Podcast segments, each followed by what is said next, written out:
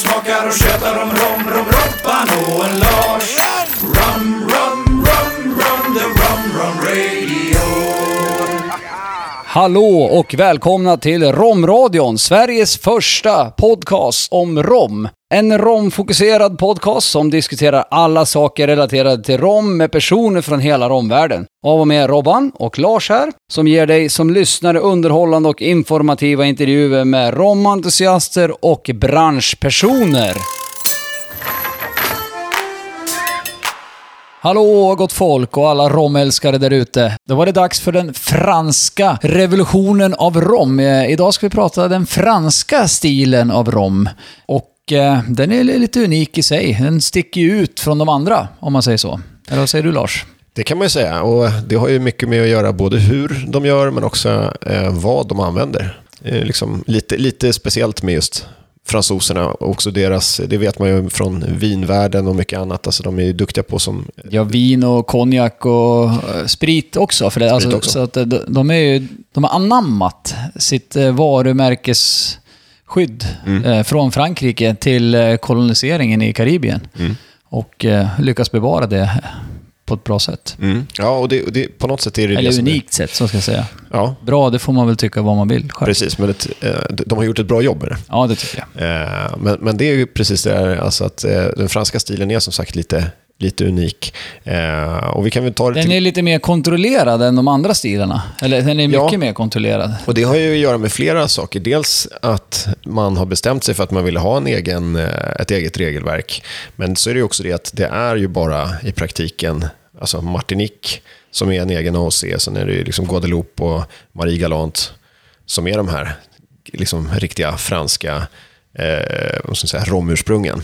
Och det gör ju att det är geografiskt avgränsat, precis som med Skottland och skotsk whisky, att det är ganska lätt, eller amerikansk bourbon, liksom, det är ett land det handlar om, det är ett regelverk i praktiken som man kan använda sig av. Det är ju också lite därför det är lite svårt med Karibien, för det är så stort och så många länder och så utspritt. Precis. Att väldigt svårt att sätta ett regelverk över så många länder under så, över så, så stor yta. Ja, precis. Och då, i och med att de alla har olika alltså, förutsättningar på hur de gör sin rom, de har olika traditioner, olika kultur. Eh, och då gör det att det, det finns inget som är, eller det finns mycket som är gemensamt, men, men det finns också mycket som skiljer dem åt. Eh, Medan här så har det varit enkelt att från början eh, sätta ner foten och säga det här är den stilen vi gör och därför kan vi reglera den på det här sättet och, och ursprungsmärka den. Ja, man har ju format, eh, koloniseringen har ju format grunden av rom som man vill ha den i hemlandet egentligen. Man har tagit med sig kunskap och smak eh, till sina kolonier i Karibien och eh, tillverkat någonting som man tycker om. För att den här produkten som från början inte ens hette rom, då innan den hette rom, det var ju liksom Kill Devil eller vad det nu var, kallar den liksom. Så det var ju liksom dåligt hembränt. Som man inte visste om man kunde se om man hade tagit sig en bläcka dagen innan, när man Stort vaknade dagen Ja, efter. precis. Eh, nej, så att, eh, det, det gör det lite speciellt eh, på det sättet.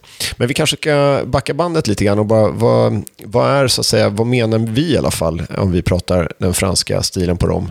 Eh, man brukar ju normalt sett säga att eh, det som är det absolut viktigaste eh, särdraget vad gäller fransk rom, det är just råvaran. Ja, all rom måste ju komma från sockerrör, men skillnaden från övrig rom med just, eh, för att få kallas då, rom agricole som man säger då i, i de här länderna som vi, Lars nyss nämnde, eh, är ju att man pressar sockerrörsjuicen ur sockerrören ganska snart efter skörd, när sockerhalten fortfarande bibehålls i, i, i rören. Och den här sockerrörsjuicen gör man ett sockerrörsvin på, kan man säga. Och sen destillerar man det och får en, en eh, gräsigare och torrare och mer naturlig produkt för näsa och mun. Mm. Man, man kan ju säga att eh, just eh, de som beskriver smaker med färger kan man ju säga att i, i agrikolrom så hittar man mer den liksom, lite gröna och gula smakerna om man ska säga så. Just det här som du säger, gräsiga, lite vegetala liksom. Men det som är kul också med just den franska stilen i och med att man, man använder färskpressad sockerrörsjuice så blir det ju väldigt mycket mer Eh, så att producenterna måste själva odla sina sockerrör. Och Det är också någonting som är lite mer unikt för just den franska skolan. Eh, eftersom att man inte jobbar med melass så går det inte att transportera eh, några långa vägar för att det är hög sockerhalt, som du sa, i sockerrören.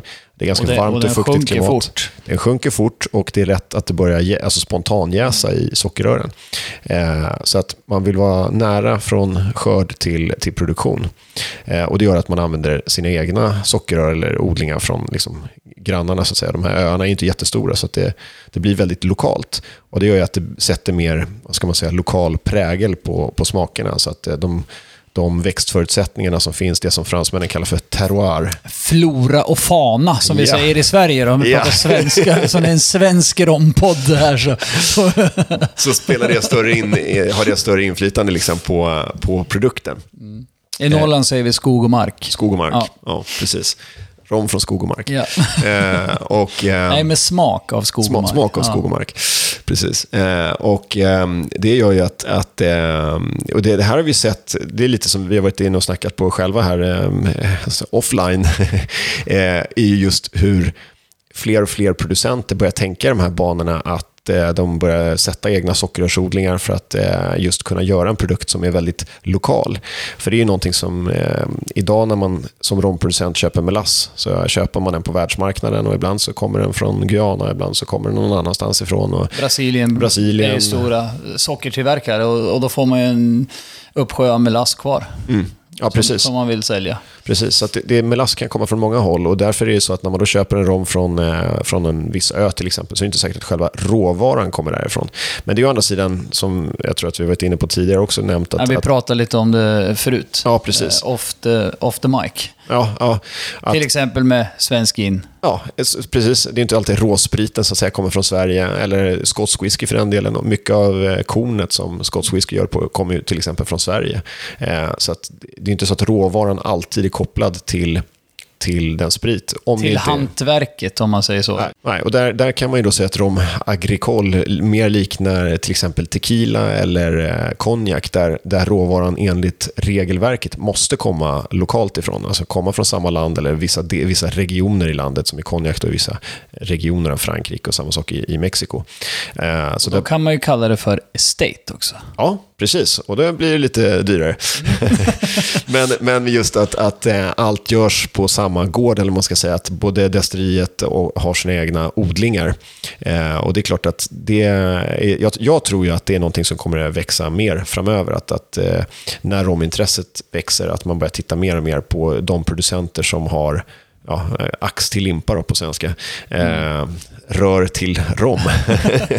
Nej, from grass to glass. ja, det är också en klassiker. Eh, nej, men och sen så tycker jag det är bra att vi lyfter det här med klassificeringen då, AOC, eh, control. Eh, Klassificeringen som, som fransmännen har på Martinique och Guadeloupe framförallt. Eh, men så- om man nu gör sockerrörsjuice då i Nicaragua. Man pressar sitt sockerrör och får ut juicen och tillsätter jäst och, och, och gör en, en jäst. Man får sockerrörsvin där. Och sen destillerar det. Då blir ju inte det en rom agricole, eller hur? Nej, precis. Och det här är ju, här är det ju här svåra att, att eh, Förr så sa man att det fanns två typer av rom. Och det var industrial, som var melassbaserad, och agricole, som var sockerrörsjuicebaserad. Eh, Men i och med att det är faktiskt så att eh, ordet agricole är ju skyddat just för de här ursprungen. Eh, Så att det blir fel att kalla då, visserligen, ja, till exempel en cachaça, eller som du säger, vilken annan rom som helst som använder färsk sockerrörsjuice för just agricole. Och där får man väl försöka hitta något nytt namn på det. Det blir ju sockerrörsjuice-rom, eller sugar, sugar, Sugar cane. juice rom på engelska. Då. Eh, Men eh, det är ett jävligt långt ord, tycker jag. Ja, många brukar, brukar Jag kan känna ibland när jag provningar och säga sugar cane rum juice, bla, bla, bla, vad fan sa jag egentligen? Nej, men precis. Det blir, det blir långa konstiga, konstiga ord ibland. Många brukar bara säga att det är en agricole-stil. Ja. Eh, och så får man hänga med på det. Men det är, där är faktiskt så att eh, det finns ingen riktigt klar definition på vad man ska kalla det. Nej. Vi får komma upp med en. Ja. Där får ni komma med förslag tycker Ja. jag. Vi kan eh, försöka sprida dem vidare. Ja. Vi får någon, kanske någon fransk eh, producent här på intervju i framtida poddavsnitt. När vi ska Mm. kanske gå igenom Martinique specifikt, eller Guadeloupe specifikt, så, så kommer vi försöka bjuda in lite Mm. producenter och, från olika destillerier på olika öar i olika länder. Mm. Eh, så heads, skicka, skicka förslag. Ja, precis. De kan behöva hjälp. Ja. Ehm, så att, ehm, men, men det är väl det som är liksom de absolut mest eh, specifika karaktärsdragen just för, för den agrikolrommen, eller den som är den franska stilen. Eh, men med fransk stil så kan man ju mena att, alltså att fransk stil måste inte vara gjord på franska öar. Eh, Men det blir också återigen den här svåra gränsdragningen om vad man ska kalla det för. Eh, för att det finns ju de som gör fransk stil på rommen i Thailand till exempel. Eh, eller ja, det har börjat dyka upp på alla möjliga håll. Finns i, Spanien. I Spanien, absolut. Barbados till exempel. Eh, St. Lucia. Så det, det dyker upp på Till och med Guatemala har man ju lite indicier på att man använder sockerrörsjuice Mm, mm. i sin rom också. Så att, eh, ja. Absolut. Det, det är någonting som, har, som jag tror har vuxit eh, ganska mycket de senaste åren. Men, just my- mycket tror jag att det beror på också att producenterna ser att de vill knyta sig hårdare till själva råvaran och ursprunget på råvaran. Plus att man jobbar inte med sockertillverkning på samma sätt längre. Så, som vi sa tidigare, de stora producenterna av socker är ju Guyana och eh, Brasilien framför allt, som är dominerande i den branschen. Jag menar, stå och ha en sockerfabrik för att få en, fram en slaggprodukt som, som man sen ska destillera.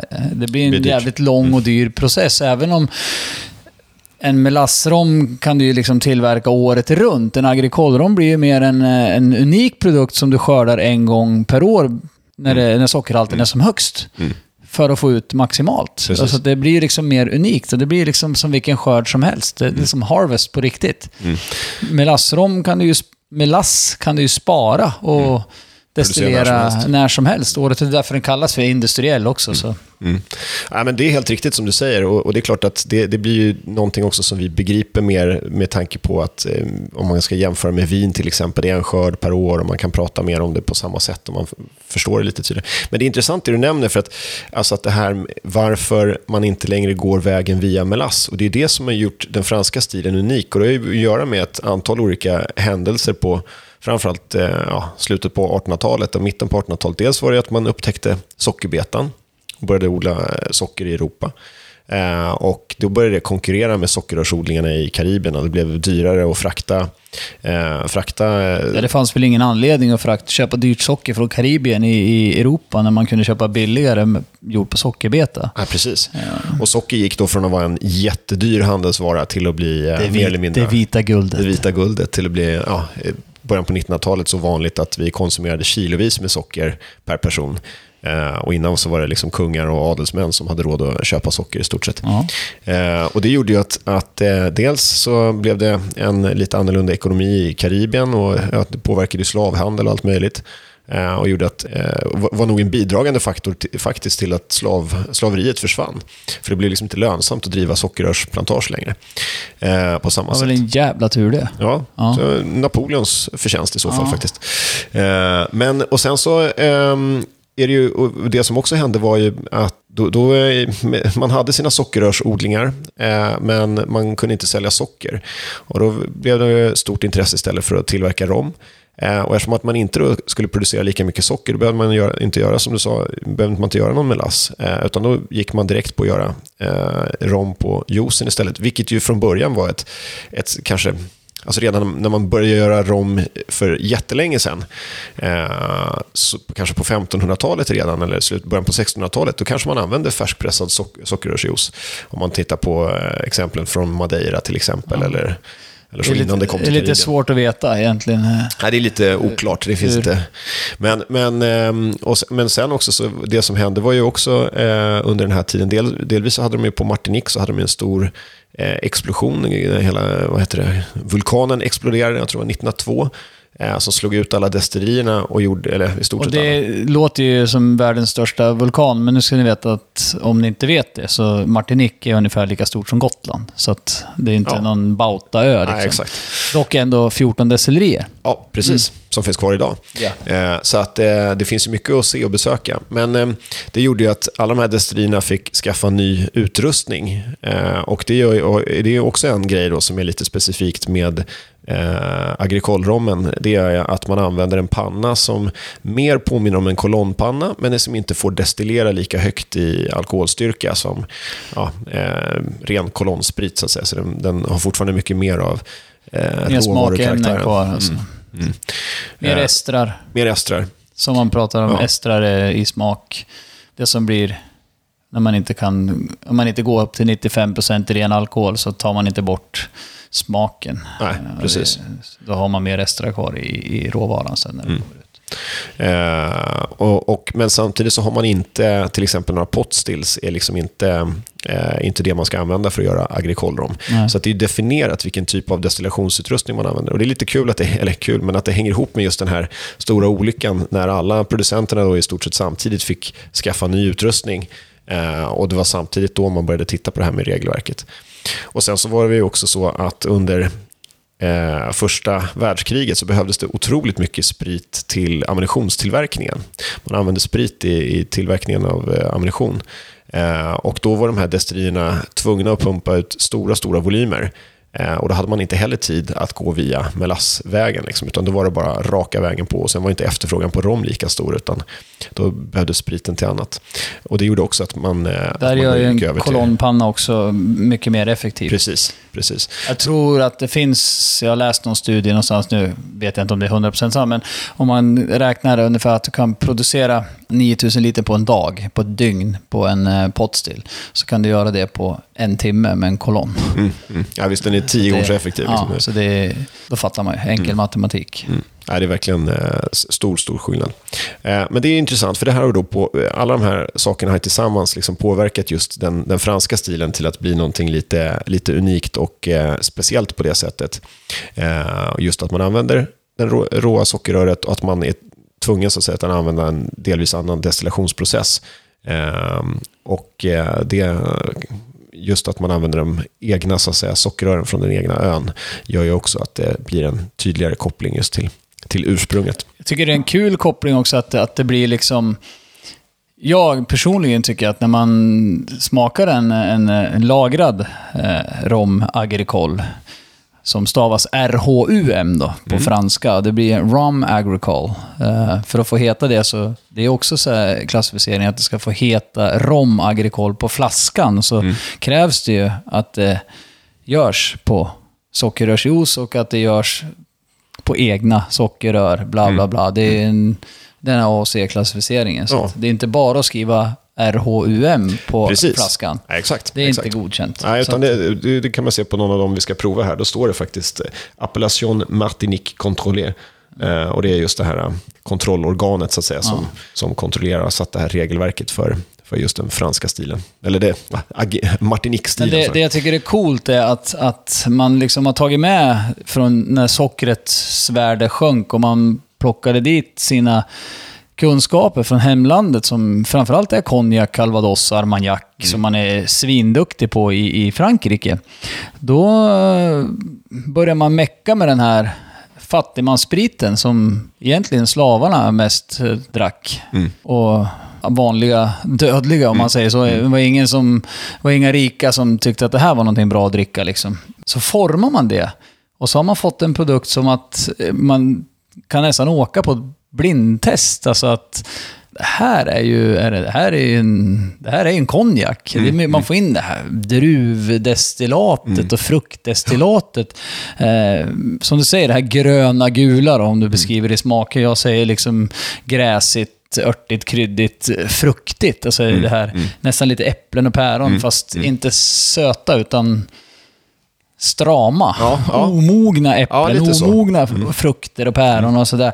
på jävla fränt. Mm. Jag tycker det är skitläckert. Men det är ju inte det här du förknippar med rom, eh, vanilj, arrak. Du kan få det också, du får det också på vissa, men eh, Inte alls eh, inte, lika alls mycket. på, nej. inte lika... eh, Ja, men det är väl, det är väl lite så att den är vad ska man säga, lite elegant och lite försiktig. Den är inte så stor och fyllig och bordus, eller man säga, som den brittiska rommen som är liksom verkligen kraftig och, och, och så. Eller, Och den är inte lika rund och mjuk som den spanska. Nej, eh, utan den är jävligt egen. Och det är coolt. Mm. Ja, jag gillar det också. Och det, det som är lite kul också, att det, den påminner mycket om eh, den rommen som finns, eller mycket, men lite grann om rommen från till exempel Madeira eller eh, en del sådana liksom gamla romursprung på det sättet. Eh, och sen så har de också intressant för eh, i alla fall för Martinique och det här AOC-systemet, är att man har ju en åldersklassificering på vad man då får kalla de olika för, om det står Trevieux eller eh, alltså de olika lagringsklassificeringarna. Och det finns ju på vissa håll, men, men eh, här är det väldigt tydligt eh, vilka åldrar det får vara. Och eh, det betyder också att det finns eh, någonting som konsument, liksom att, man, att man har någonting att luta sig tillbaka mot. Ja. Ja, ja, jag är med dig. Och sen får man ju använda konjaksbeteckningarna också. Ja, precis. XO, VSOP och... Det är ganska vanligt, men de, de är egentligen inte... Det, där är skillnaden att de är någonting som är mer vad ska man säga, frivilligt. Eh, de är inte... Eh, finns Mm. De inte, de i, inte- i, med i AOC-systemet. Men däremot så är det ganska vanligt att många använder det just för att det finns den, dels den tydliga kopplingen, men också just att de, är, alltså, de har sålt mest till den franska marknaden. Och de har valt att använda de här begreppen. De, de vet vad det är. Ja. Fransmännen är liksom införstådda med, med klassificeringen XO, VSOP, VS, Ja. bla bla bla. Liksom. Och sen är det klart att konjak har varit en stor exportframgång i världen och eh, det, det signalerar lite eh, liksom, att det är lite lyxigt och lite sådär. Så att, eh, jag tror att det har varit vanligt att man eh, använder det.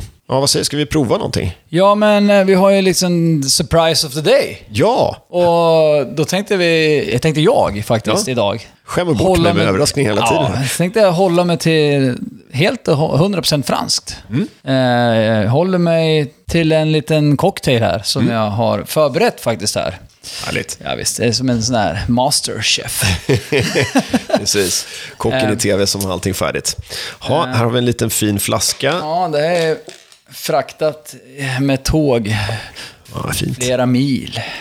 Det här är alltså en blandning av eh, en Rum GM från Martinique som innefattar det här AOC eh, Control eh, eh. Och det är gjord på en VSOP. Eh, Den är lagrad i fyra år totalt. Stämmer. Den är lagrad i eh, tre år på gamla bourbonfat och ett år på nytt amerikanskt vit ekfat. Ganska mycket ektoner, Ja, liksom, fattoner. Den är gräsig, gräsligt ekig. Ja. ja. Göteborg igen. ja. Ja, ehm, men, men jätteskön karaktär och den eh, går superbra i cocktails. Mm. Alltså, den är nice att dricka ren också, men den, den kan uppfattas som lite, lite ung och eldig, skulle jag, Mm. Jag många, säga. när jag har kört provningar med den också, tycker Ja. många, en del kan tycka att den är lite sträv. Ja, lite spretig. Mm. Men i, med lite sötma och lite syra oftast, eller Mm, så man man balanserar så, så, så gifter den sig skitbra. Eh, den här har jag valt att blanda med lite fransk eh, starkvin. Lillet Blanc, eh, nej, Lillet Rosé. Mm. Eh, och sen en liten skvätt chartreuse. Ah. Grön sådan. Grön. Munkarnas sprit. Jajamän. Så det här är ju franskt, 100% franskt. Ja. Häller vi upp det här. häller upp det lite här. Och så Lite ska vi ha is. lite is.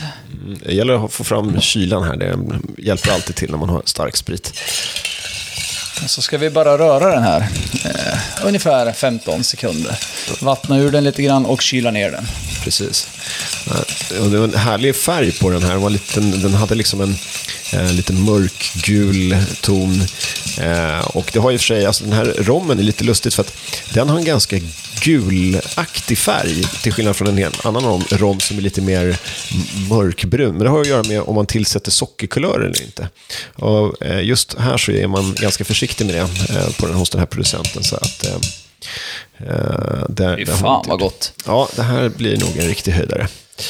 Då ska vi se. Häller vi upp lite grann så vi får en skvätt var här. Lyxigt att ha en bartender i podden. Det bidrar till lite skön stämning här. Jaha. Eh, då vill jag presentera för dig Lars en Dry Martinique. Ah, Göteborg igen.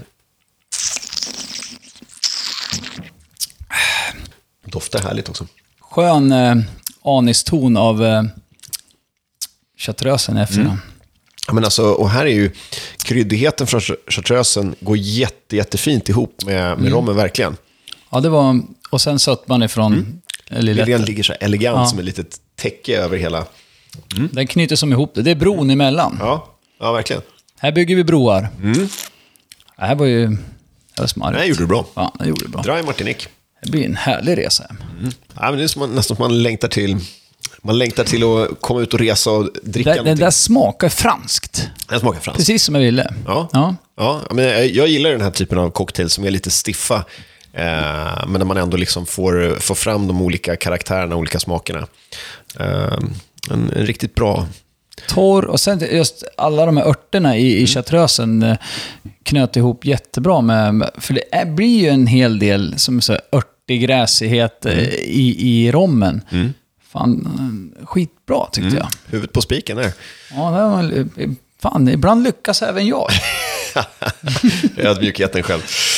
Men vi tänkte också att ehm, eh, vi skulle prova några exempel på, på lite Martinique-rom rent här, bara för att ehm, eh, beskriva lite de här smakerna och eh, lite vad vi, eh, ja, lite vad som är specifikt kanske med, med den här stilen på rom. Jag var inte blyg när jag höll på, för fan.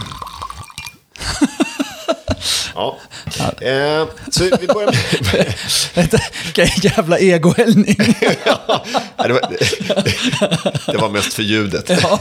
Okej. Eh, men det var det annars, så det var det illa. Eh, här har vi en eh, Martinique-rom och det här är också en då, eh, JM eh, från norra delen av ön, så det är en vulkanö. Eh, och eh, här har man sina egna odlingar precis eh, som ligger runt destilleriet och man jobbar liksom väldigt noga med att eh, när man skördar så ska man vara på ja, under timmen i stort sett från skörd in i produktion med sockerrören för att det ska gå så fort som möjligt. Man inte ska påverka smaken eller tappa. Finns det någon eh, tid? Visst är det en, en 24 timmars eh, Jag har maximal? Jag tror att jag läste Ja, något sånt här. ja. 24 timmar max efter man hugger socker, skördar sockren, som de måste pressas. Mm. Annars tappar man för mycket sockerhalt i dem och det, som du säger, det kan bli en själv... Eh, eh, fermentering, ja jäsning, eh, i, i dem. Så att, men det, jag tror att det är 24 Mm, Ja, timmar att det är 24 regel. Ja. Eh, Och sockerrören de tar ju en drygt två år på sig att växa. Så att, men däremot så det som är fint är att de har ett ganska jämnt varmt klimat. Så att det är inte skördesäsong på det sättet att det bara skörd en gång om året. Liksom, utan de kan, skörda, de kan plantera på så sätt att de kan skörda lite, lite när som på året. Eh, Ja, det är så i Martinique. Ja, alltså i och med klimatet är så pass stabilt. Eh, det är nära 30 grader året runt ungefär. Ja. Rätt behagligt. Fan vad tråkigt. Ja ja. Eh, så att där ska man vara lite oftare. Eh, men det är ett gammalt testeri, grundat 1790 kan man säga. Och sen så har de byggt om i olika omgångar och så vidare. Eh, men här gör man ju verkligen... Eh, de, de, även om många av destillerierna på Martinique, inte, dock inte alla, har sina egna odlingar. Så här har man eh, exklusivt sina egna eh, sockerrör som man använder. Eh, så om vi doftar lite på den här. Så känner man verkligen... Otroligt mycket gräs, som jag säger, grönt Mm. då.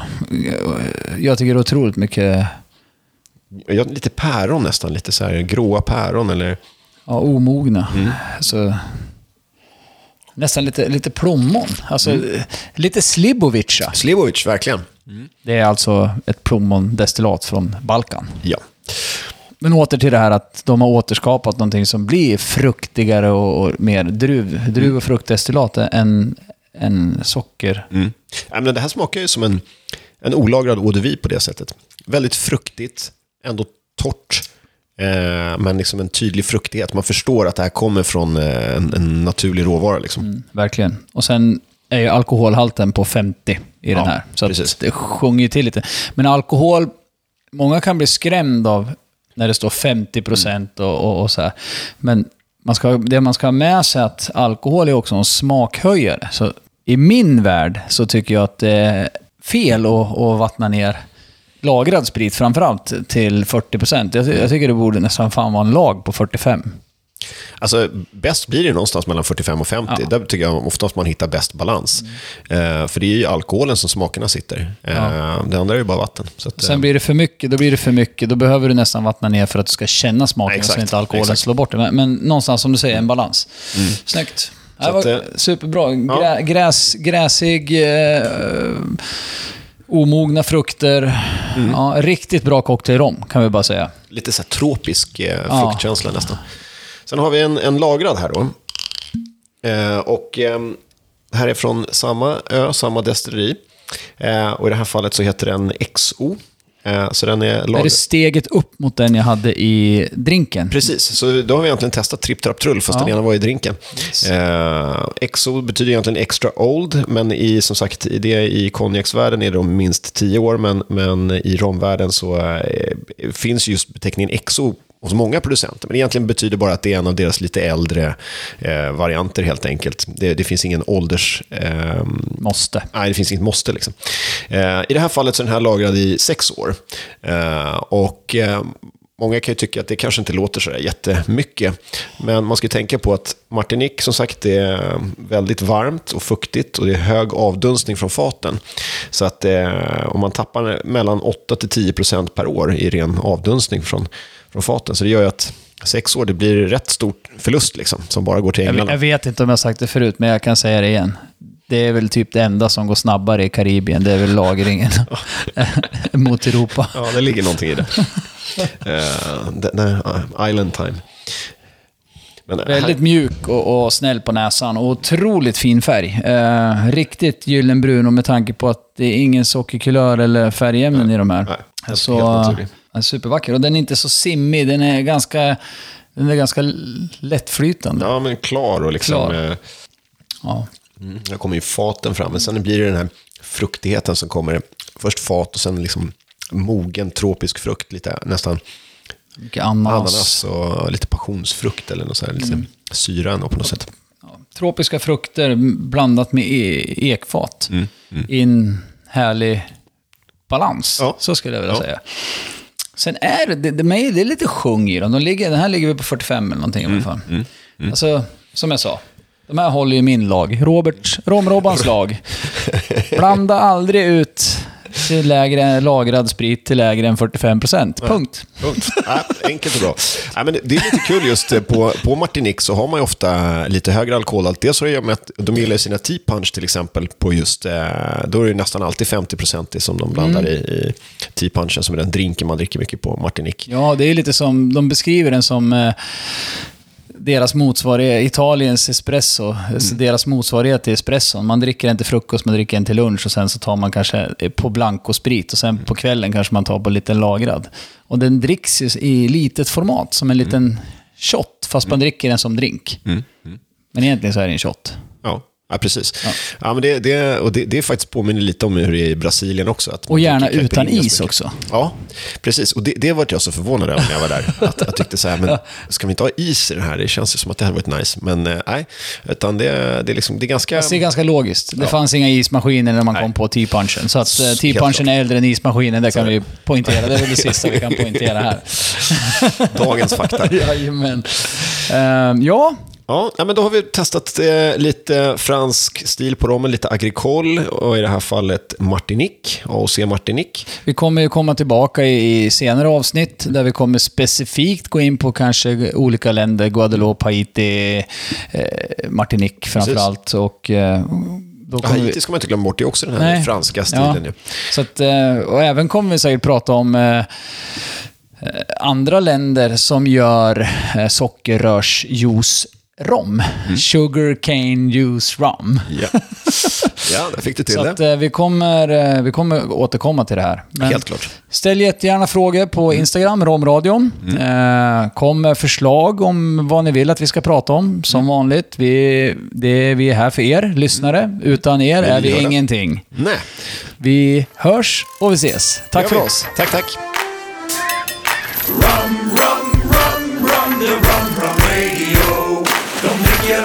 och tjötar om rom, rom, Robban och en Lars.